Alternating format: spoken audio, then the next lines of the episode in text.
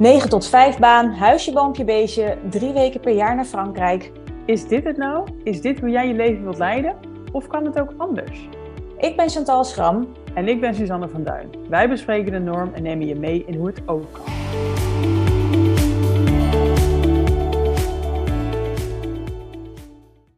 Yes, welkom bij de allereerste aflevering van onze podcast Het kan ook zo. Chantal en ik zijn er allebei bij. En misschien ken je ons nog van ons vorige bedrijf Snapper. Dat zijn we gestopt uh, begin 2022. En vandaag dus uh, lanceerden wij onze podcast Het kan ook zo. En Chantal, ik ben heel erg blij dat uh, we weer gaan samenwerken. Ja, nou, ik ook. Ik heb het wel gemist hoor. Ja, echt. Ik, ja, misschien is dat ook meteen een, een, een intro van de podcast van hè, waarom zijn we weer samen iets gestart. Um, eigenlijk kwam het vooral voort uit het feit dat we het heel erg misten om samen te werken. Maar ook omdat we, um, als we elkaar spraken, want we spraken elkaar natuurlijk wel nog, dat we dan heel vaak het hadden over thema's als hè, bewust leven, wat kies je, um, wijk je af van de norm, ja. of, um, ja, of wat wil je? Ja, ja wat, wat, wil je echt? Ja. Wat past bij jou? Ja, en ik denk dat al pratende kwamen wij er wel denk ik steeds meer achter dat wij dingen anders doen dan uh, de meeste mensen. Niet per se dat we dat bewust zo kiezen als in we willen anders zijn, weet je wel, of we willen per se iets anders doen dan de ander, maar wel dat wij langzaam aan, en ik denk dat dat ook echt wel iets is wat in de afgelopen jaren gegroeid is, steeds meer echt ons eigen pad zijn gaan kiezen dan wat de maatschappij, om het maar even zo te noemen, ons voorschrijft om te doen. Weet je, wat eigenlijk dus negen van de tien mensen in, in ieder Nederland, uh, het pad wat zij volgen, dat wij denken, ja, nou, ik weet niet helemaal of dat per se mijn pad is. En ik heb ook heel erg het gevoel, en dat kan ook onze bubbel zijn natuurlijk, dat er veel meer mensen zijn die wel het gevoel hebben, zeker nu ze hè, 30 zijn of net wat ouder dan 30, dat ze wel denken van ja, is dit het nou? Is dit nu echt wel het leven wat ik per se wil leiden? Of kan, ja, het, of kan het ook anders? Ja, nou ja, het kan ook zo.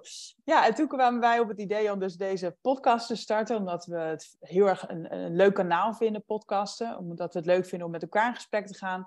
En ook omdat we denken dat nou ja, jij, de luisteraar, het leuk vindt om onze gesprekken te horen. En uh, om je te laten nadenken van, hè, ja, is de norm um, ja, voor jou ook uh, normaal? Is het hoe jij wilt leven?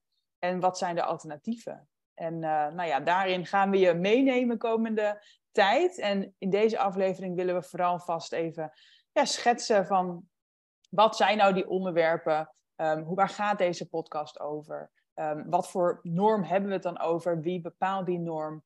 En um, nou ja, even een voorproefje van hoe wij eigenlijk daarvan afweken. Of wanneer wij voor het eerst in twijfel uh, trokken ja, of de norm wel voor ons was. Ja, en ook hoe wij uiteindelijk dan de stap hebben gezet om ook daadwerkelijk af te durven wijken van die norm. Want dat is natuurlijk ja, stap twee. Je kan het wel heel graag willen, maar juist door de omgeving die je hebt, uh, als ik in ieder geval voor mezelf spreek, uh, die, die, die dan wel zeg maar de norm volgt, of het, het, het gebaande pad eigenlijk uh, volgt, dan is het heel lastig om daar als in je eentje van af te wijken en anders te durven doen. Want je ja. krijgt toch scheve gezichten, misschien wel opmerkingen, jaloezie misschien ook wel.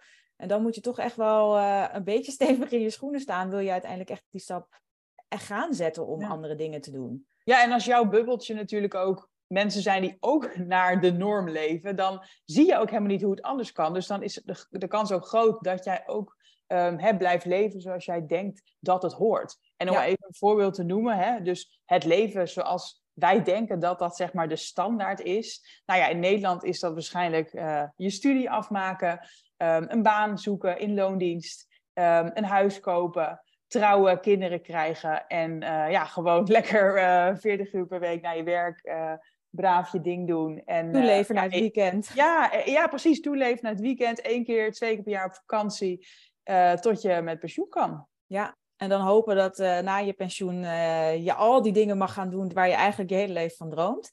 En dat is natuurlijk wel heel plat gezegd, hè? Hoe, maar het is wel in, ja, weet je, als ik om me heen kijk ook nog steeds, hoeveel mensen wel echt gewoon leven. En als jij als uh, vrouw alleen geen partner hebt of besluit geen kinderen te willen, wijk je af van die norm. Krijg je hoe dan ook scheve gezichten. En dat hangt denk ik ook helemaal ook vanaf waar in Nederland je woont. Als jij in Amsterdam woont, zal het misschien al heel anders zijn dan wanneer je in een dorpje in Friesland uh, uh, zit.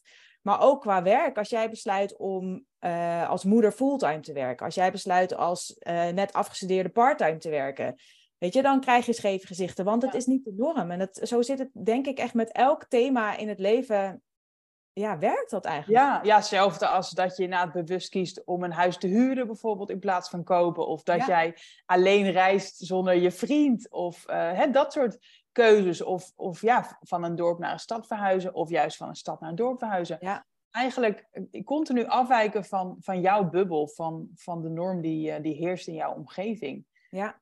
maar inderdaad, Ehm, wie zou die dan bepaald hebben? Hè? Wij hebben het natuurlijk wel vaker over gehad. En ja, ik geloof dat voor een groot deel het ook echt wel door uh, de politiek natuurlijk komt. Hoe uh, de regels worden bepaald, dat je gewoon, ja, dat het ook lastig wordt gemaakt om in sommige gevallen anders te kiezen. Uh, ja, nou, Ja. Ik, ik- die vind ik in ieder geval echt een van de grootste factoren waar ik wel steeds bewuster van ben. Hoe erg de politiek, hoe eens een paar mensen eigenlijk in Nederland het voor het zeggen hebben, hoe wij ons leven moeten leiden. Ja. En ook de media, denk ik. Kijk, niet, niet dat die het natuurlijk echt bepalen, want je hebt uiteindelijk ook een vrije keus, maar zij schetsen natuurlijk wel de norm. Zij, zij laten zien wat zogenaamd eh, hè, speelt in de wereld en ehm, ja, de, de voorbeelden die je ziet, ook, ook bij representatie. Weet je, als jij gewoon continu in reclames bijvoorbeeld happy families ziet, dan ga jij denken dat dat dus de norm is. Ja, nou ja, kijk bijvoorbeeld naar nu het verhaal met Rusland natuurlijk. Hè? Hoe wij nu het beeld krijgen wat de Russen te zien krijgen over de oorlog in Oekra- Oekraïne. Eh, en dat is natuurlijk ook weer van ja, kijk, ik ga ervan uit dat het natuurlijk allemaal klopt wat ze laten zien. Maar het is altijd wel één kant van het verhaal. Weet je, net als dat de Russen in Rusland ook één kant van het verhaal horen. En dat kan zo gekleurd zijn en zo anders dan hoe iemand anders het misschien ervaart.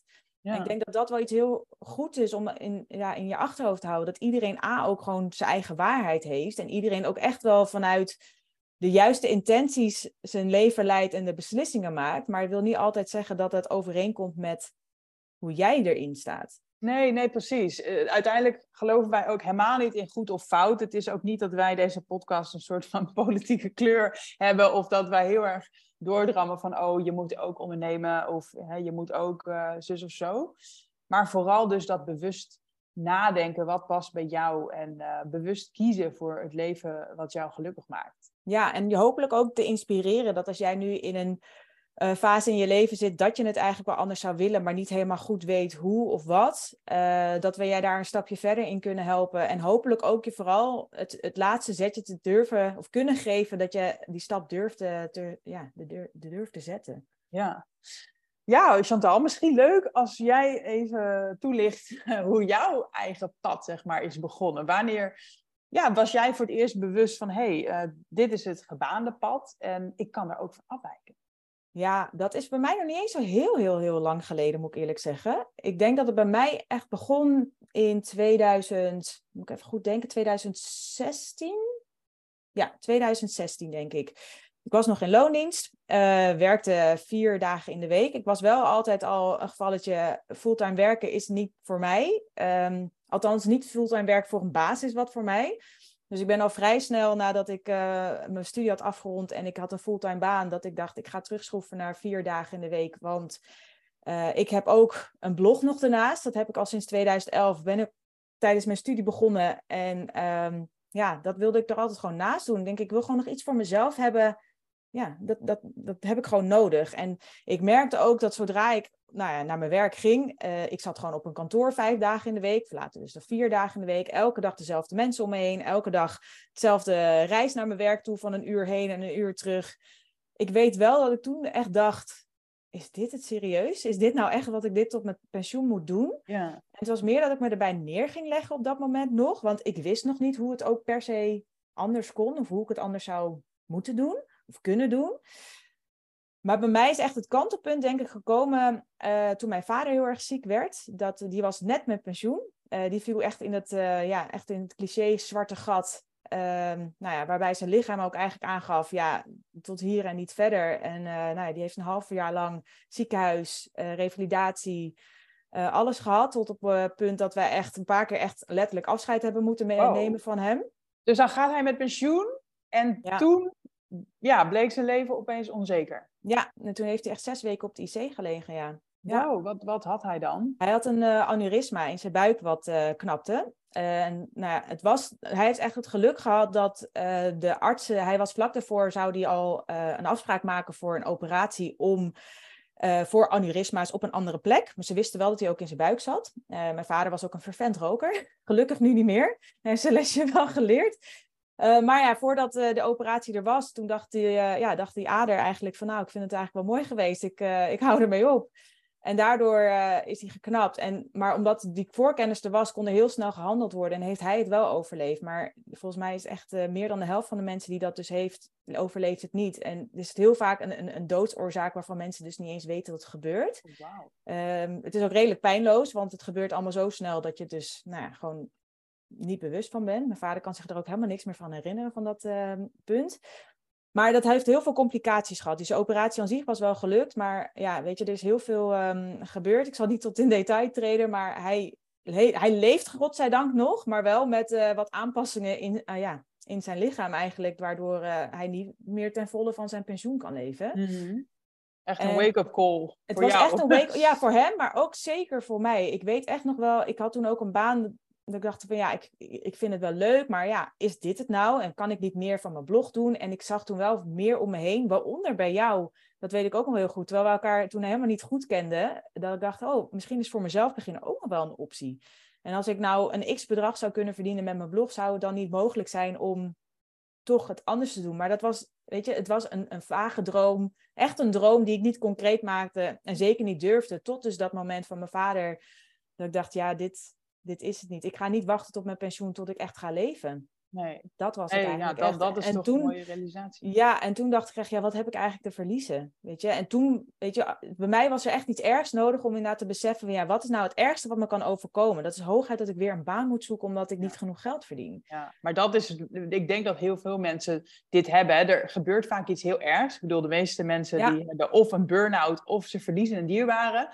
En dan gaat de knop om. Maar eigenlijk, ja, waarom zouden we daarmee, daarop moeten wachten? ja. dus, dus laat dit voor jou de wake-up call zijn. Ja. Maar goed, zo werkt het vaak niet. Mensen moeten vaak toch echt eerst echt die pijn voelen. Ja. En dan durven ze ja, de keuze te maken hè, om het anders ja. te doen. Ja, en ik weet ook nog wel heel goed dat ik wel eerder al speelde met het idee om meer met mijn blog op dat moment te doen. Ik was toen nog bij een andere baan in loondienst en ik weet nog wel dat mijn baas toen zei, toen ik had een beetje aangaf van, nou, ik zou misschien wel meer doen, zei ze, nee joh, je moet echt niet voor jezelf beginnen, want oh, al die administratie die erbij komt kijken. En toen dacht ik, oh nee, administratie, weet je, ik maakte toen gelijk iets heel groot, want ik was helemaal niet goed met cijfers.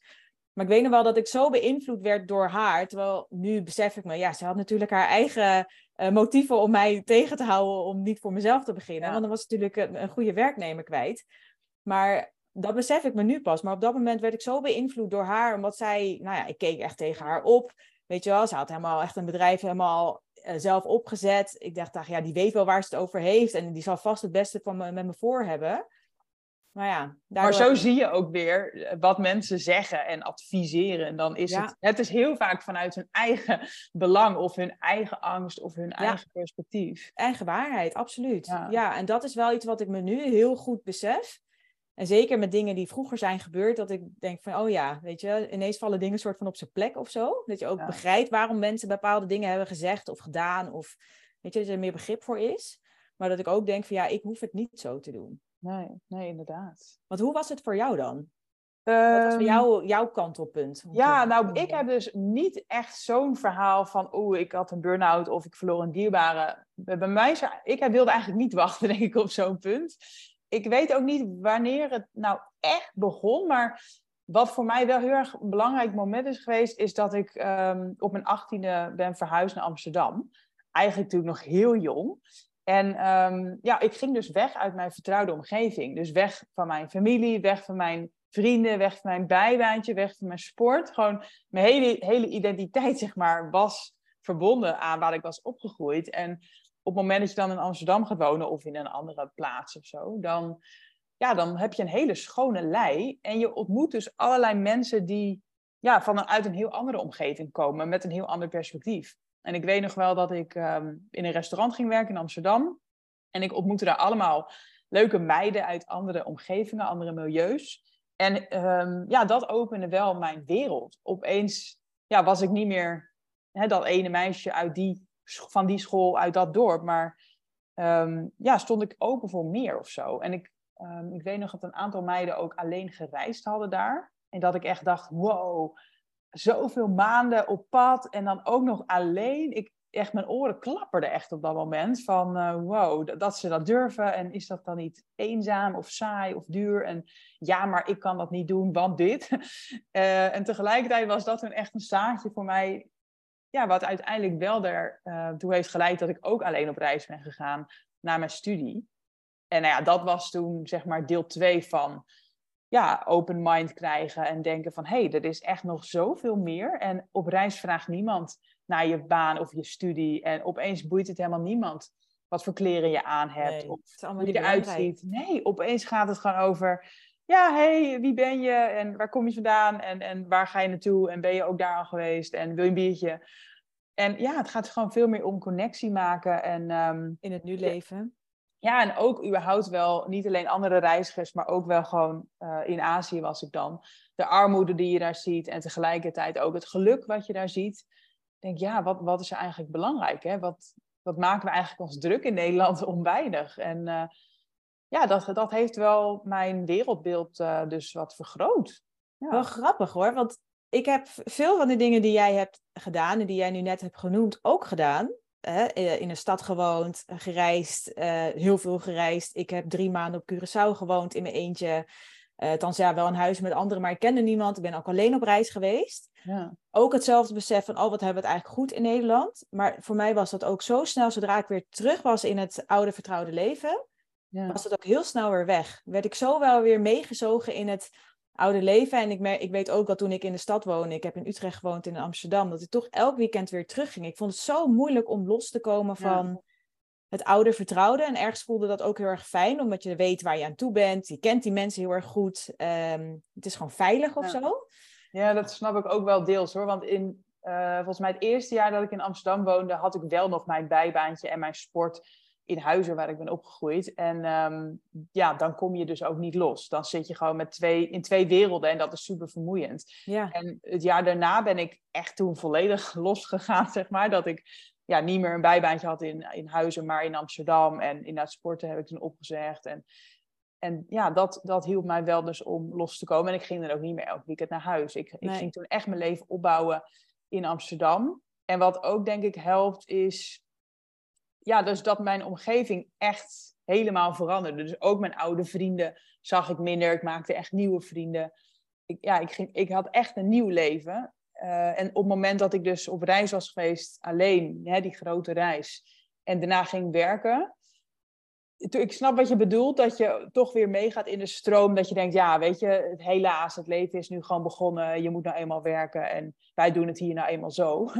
Um, maar ik denk dat dus mijn omgeving mij wel een beetje beïnvloedde. Want ik had wel een paar vriendinnen die ook wel een beetje betwijfelden of dit nou het pad was. Ja. En ja, om een of andere reden bleef gewoon dat reizen heel erg in mijn hoofd zitten. Van ja, is, was dit het dan? Hè? Eén reis gemaakt en nu inderdaad de rest van je leven werken. Dat voelde gewoon niet, uh, ja, niet kloppend of zo. Nee. Dus ik heb wel heel erg gezocht toen, de, in het begin van, oké, okay, moet ik me er maar bij neerleggen, hè, dat dit het gewoon is. Um, en ook vrienden zeiden dan, hè, van, doe nou maar normaal en hè, je moet nou eenmaal gewoon werken, beetje dat. Maar al heel snel besefte ik van, nee, ik, ik ga dat niet doen. Ik, ik ben, uh, was echt 25 of zo toen. En toen heb ik dus wel uh, mijn baan opgezegd om toch weer een lange reis te maken. Ja, ja, wel goed hoor dat je dat hebt gedaan. Echt heel goed. Maar kan je ook nagaan dus weer hoe belangrijk het is, ja, wie je omgeving eigenlijk is. Hè? Ja. Want voor mij was mijn omgeving in de tijd, nou ja, eigenlijk niemand. Zeker in de tijd dat ik studeerde, hè, veel ging reizen, uh, naar Amsterdam ging verhuizen. Waren er weinig mensen in mijn directe omgeving die uh, ja, aan het ondernemen waren. Of in ieder geval echt een eigen pad aan het kiezen Ja. waren. Of aan het bewandelen waren. Waardoor, je, waardoor het echt wel een stuk lastiger is om los te komen. A, om echt gewoon te zien van het is echt mogelijk om het anders te kunnen doen. Weet je, van de, wereld vergaat niet. En er komen juist, als er één deur eh, dicht gaat, opent zich er een andere, weet je wel. Ja. Maar dat vond ik zo lastig om in te zien toen. Ja, je hebt echt Ja. rolmodellen nodig eigenlijk. hè? Ja, of dus, nou ja, in mijn geval, er moet echt iets, iets ergs gebeuren om echt wakker geschud te worden. En niet zozeer dat je inderdaad op reis bent en ziet hoe het ook anders kan. En dat je denkt, nou, dat wil ik ook niet met die armoede, weet je, zo leven. Maar ja, weet je, er zijn natuurlijk ook heel veel mooie kanten daar. Uh, voor mij was dus echt al uh, mijn vader het, het, het, grote kantelpunt. Dat was er echt voor nodig, ja. Ik denk wat dat betreft dat er eigenlijk twee fases zijn. Ik denk dat je, dat je eerst een soort van pijn of um, ja, burn-out, uh, dierbare verliezen, dat er iets ergs moet gebeuren waardoor je de trigger krijgt van hey, dit is niet oké, van hè, hoe, het, hoe het nu gaat is misschien niet voor mij. En dat je dan, de tweede stap is dan, hoe, hoe kan het wel? Mhm. Dus ik denk dat veel mensen die luisteren misschien ook wel zo'n eerste trigger al hebben van hmm, het knaagt, het zit niet lekker, hè, of er nou een burn-out is of gewoon dat knagende gevoel. Maar dat er dan inderdaad ook de tweede fase moet zijn, de, een iemand waar, aan wie je kan optrekken, een rolmodel, een alternatief, iets, een, een droom. En, en jij had natuurlijk op een gegeven moment wel de droom dat je zou kunnen rondkomen met het bloggen. En dat is dan je way out. Dat is dan een route. En misschien omdat je ook alweer dus bloggers of andere mensen kende die Zeker. leefden van hun eigen ding. Ja, ja dan heb je toch als toch weer die, die voorbeelden. Maar dus ook denk ik wel, als je eenmaal die droom hebt en je merkt dat je ermee bezig bent, dat zou je ook misschien wel merken dat er gewoon langzaamaan een soort van signalen zijn of mensen in je leven komen die jou toch een zet, net even weer een zetje geven. Bij mij was het ook met het bloggen dat ik gewoon veel meer contact kreeg met andere bloggers die het ook serieus aanpakten. Ja. En die al eigenlijk een stap verder waren dan ik. Dat ik dacht, hé, hey, maar als jij het kan, ja, hoezo zou ik het dan niet kunnen? Ja, dus echt omringen met gelijkgestemden of liever nog mensen die net misschien een stapje verder zijn. Ja. Dan zie je dat het mogelijk is. Je kan van ze leren en ze motiveren je misschien ook in plaats van zou je dat nou wel doen? Ja, ik denk als we één takeaway mee mogen geven in deze eerste aflevering en je wil een eerste stap, is dat denk ik wel dat, hetgene wat ik mee zou willen uh, geven. Ja, van, kijk echt om je heen. Wie, zit er, wie heb jij in je omgeving nu? Zijn dat mensen die jou nu uh, genoeg kunnen steunen in eventueel jouw, jouw, jouw keuzes van het, gebaan, of ja, van het ongebaande pad, zeg maar, uh, te maken? Um, of zijn er andere mensen voor nodig? En ga dan echt bewust op zoek naar andere mensen. Weet je, en dat kan zo, ja, weet je, we maken dat als een heel groot iets, maar dat kan zo makkelijk gaan met, met een Instagram, uh, weet je, gewoon met sociale media überhaupt, met sportclubs, weet ik veel wat, weet je wel. Als je gewoon met mensen echt in gesprek gaat en echt andere type gesprekken probeert te voeren, kan je denk ik al heel snel weer andere mensen om je heen verzamelen. En het hoeven echt niet gelijk je BFF's te worden natuurlijk. Nee, het is niet zo dat je natuurlijk je hele vriendengroep in één keer hoeft in te wisselen. Nee, maar ga, nee, zeker niet. Maar begin dan gewoon op Instagram te zoeken naar mensen die passen of die het leven leiden wat jij misschien wel voor ogen hebt. Weet je, waar je stiekem van droomt. En ga die volgen en zorg dat je dan elke dag daardoor geïnspireerd eh, raakt. Omdat je dan ga je onbewust merken aan jezelf dat je steeds meer gaat geloven dat andere dingen mogelijk zijn en dat het kan. En ga je misschien stapje bij stapje wel toeleven naar dat moment dat je die eerste stap gaat zetten. De echte eerste grote stap. Ja, precies. Uh, want ja, de, de cliché quote, maar je bent het gemiddelde van de vijf mensen om je heen. Dus als, jou, ja, als jouw vijf mensen in je omgeving ook gewoon doen wat ze denken dat hoort en nooit vraagtekens zetten en hè, gewoon werken, want dat is nou eenmaal wat je doet. Mhm. Ja, dan ga je daar niet van afwijken. En dan denk je ook niet dat, dat je dat kan, waarschijnlijk. Nee. Dus ja, je, die vijf mensen in je omgeving, ja, die moet je wel langzaam een klein beetje switchen als jij zelf een switch wil maken. Ja, kijk, en ik denk dat het sowieso goed is om hè, te blijven kijken naar jouw directe omgeving, of ze nog steeds passen bij wie jij bent. Ongeacht of jij um, hele andere stappen wil zetten dan, uh, dan wat de norm zeg maar is. Weet je, wat, wat natuurlijk aan het begin ook al zeiden, er is geen goed of fout. Weet je, de, als jij helemaal content bent met uh, hoe, hoe de maatschappij hier in elkaar zit, hè, met, met het huisje, boompje, beestje, gewoon lekker werken. Weekend uh, is gewoon voor vrije tijd, de avonden ga je sporten, ik noem maar iets. Hè, dan is dat ook oké. Maar besef, besef je vooral dat dat dan een keuze is. En niet dat dat iets is wat moet of hoort. Maar maak er echt een bewuste keuze van, van ja, dit is voor mij in ieder geval nu helemaal oké. En denk je er over een jaar, twee jaar wel heel anders over. Maar weet dat je op elk moment kan jij van gedachten veranderen. En dat is ook oké. Maar zorg wel dat je er heel bewust mee bezig bent. Ja. Wat mijn motivatie trouwens ook echt is geweest, is meer die potentiële angst dat ik inderdaad straks 65 of 70 ben en dan denk, shit, had ik het maar anders gedaan. Ja. dat je na zo'n droom voor je uitschuift, zoals misschien jouw vader deed of iemand anders. Dat je denkt van, hé, later ga ik ooit wel zus en zo. Ja. En dat je dat dan misschien niet haalt. Of, uh, ja, of überhaupt, weet je. Al haal je het wel, maar dan heb je alsnog 65 jaar van je leven... Hè, een beetje ja, pap en nat houden tot dan, tot dan dat moment. Nou, voor mij is dat echt letterlijk de vraag die ik mezelf ook echt op dat moment heb afge, uh, of gesteld heb. Toen mijn vader inderdaad, nou ja, waarvan we dachten, hij ligt op zijn sterfbed. Hij was, ook, hij was toen helemaal niet meer bijgekomen. Dus nou, ik had het hem nooit kunnen vragen. Maar ik, ik vroeg me wel af van, goh, zou mijn vader nu inderdaad dan denken van, goh, ik heb alles uit het leven gehaald wat ik eruit wilde halen. Weet je, zouden die dan daar ja op zeggen? En dacht ik, nou, ik denk het eigenlijk niet. Ja. Ik weet nog zo goed dat hij nog, hij heeft echt 40 jaar lang bij dezelfde werkgever gewerkt. En ik weet nog wel dat hij de laatste paar jaar nog moest. En dat hij toen een keer tegen mij zei: van nou, als ik jonger was geweest, had ik nog wel een andere baan gezocht. Oh, ja. Maar hij heeft dat dus nooit gedaan. Dus ik weet dat hij daar wel ergens misschien een verlangen had, maar ook gewoon zo vast zat in nou ja, gewoon hoe zijn leven zeg maar in elkaar zat. En ik denk dat het voor onze generatie al heel anders is dan onze ouders natuurlijk. Ja, ja. Uh, met ook hoe, hoe, we opgegroeid zijn, tijd waarin we opgroeien, mogelijkheden die er natuurlijk zijn. Maar ik dacht echt van ja, ik weet niet of hij alles eruit heeft gehaald. En ik wist nog echt wel wat voor een droom hij had voor zijn pensioen, wat hij wilde doen. En het waren echt niet de grootste dromen als reizen of wat dan ook. Want nou, mijn vader die durft niet eens een vliegtuig in. Die heeft echt mega vliegangst. Maar die wilde heel graag fotograferen en heel veel, uh, weet je, gewoon hikes maken en dat. En dat zijn allemaal dingen, ja, bepaalde dingen gaan gewoon dus niet meer. Of hij doet ze alsnog eigenlijk niet, weet je. Je pensioen wil niet zeggen dat, dan, dat je dan ineens echt maar ja, 180 graden draait, ineens dan wel al die dingen uit het leven gaat halen. Weet je? Nee, dat, ik ook realistisch. ik denk ook niet dat, dat mensen die 40 jaar lang in, in, in dezelfde baan zitten, dat ze opeens na hun pensioen een of andere adrenaline worden. worden.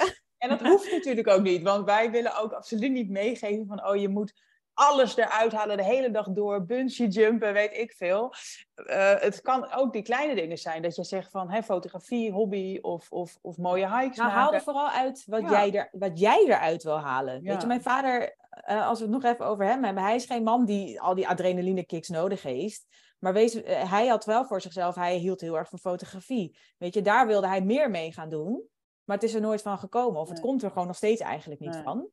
Um, maar dat is denk ik wel iets, wees je heel erg bewust van, ja, wat wil je eigenlijk in het leven? Weet je, inderdaad, is dit, is dit hoe je het zeg maar wil? Is dit helemaal oké voor jou? Nou, hey, good for you. Of zijn er toch nog dingen dat je denkt, ja, dit zou ik eigenlijk ook wel willen. En die je misschien nu onbewust uitstelt tot na je pensioen. Of dat je jezelf vertelt van, het kan eigenlijk niet.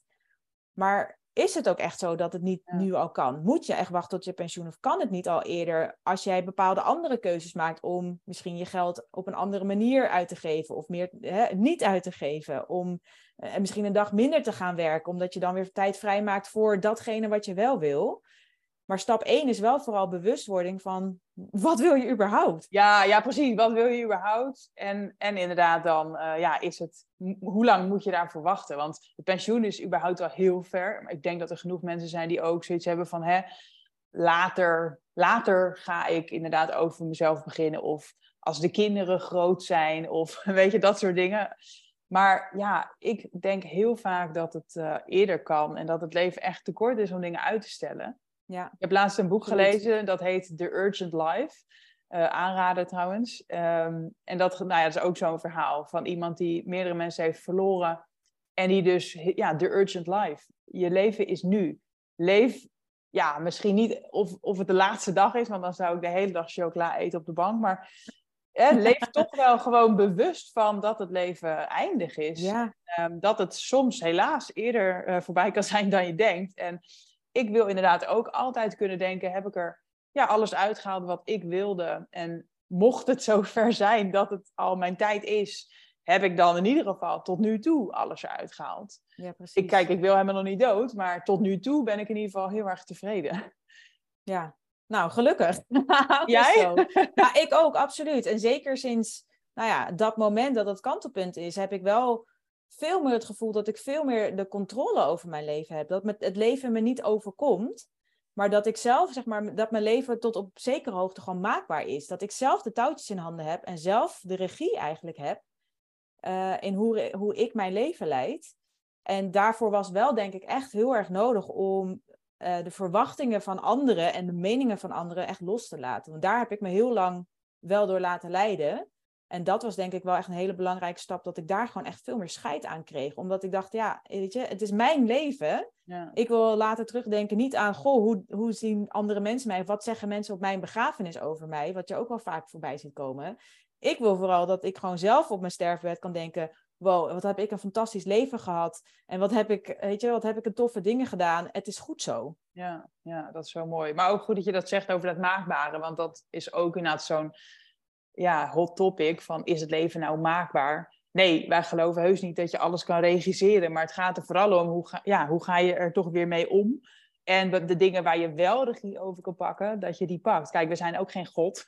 Maar ehm, ja, in heel veel dingen kan je echt wel een, uh, een eigen sausje toevoegen en je eigen pad kiezen. Ja.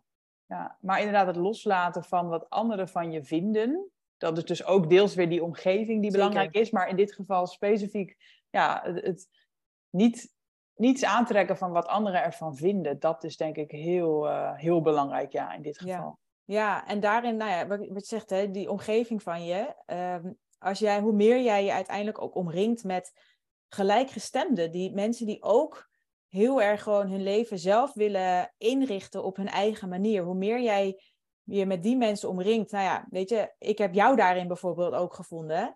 Hoe minder je je gek voelt of anders voelt. Omdat je dan een eigen bubbel creëert waarbij iedereen dat eigenlijk doet. Ook al maak je misschien niet dezelfde beslissingen. Je staat er wel hetzelfde in. En je hebt ook gewoon respect voor andermans beslissingen. Ja, dat. Precies. Mensen je, die je jou... moedigt het, vooral aan. Dat je denkt van, joh, als jij lekker een wereldreis wil gaan maken... Go for it, weet je wel. Dat je, je, je moedigt het echt toe bij iemand anders. En je juicht het toe, omdat je gewoon weet hoe fijn het is... Uh, om dat te doen. En je gunt dan uiteindelijk iedereen het leven zoals iemand het zelf. Ja, zelf geen afgunst en mensen echt nee. zichzelf laten zijn. Precies. En ik heb, dat ook, uh, ik heb dat ook echt moeten loslaten. Nu je dat zegt, denk ik, oh ja, dat had ik ook. Ik had het vooral heel erg bij mijn ouders. En specifiek misschien mijn vader. Dat ik ook echt dacht van... Ik, bepaalde verwachtingen of zo die ik voelde. En misschien, misschien was het wel mijn eigen beleving. Maar ik voelde ook een bepaalde, bepaald pad wat ik moest bewandelen.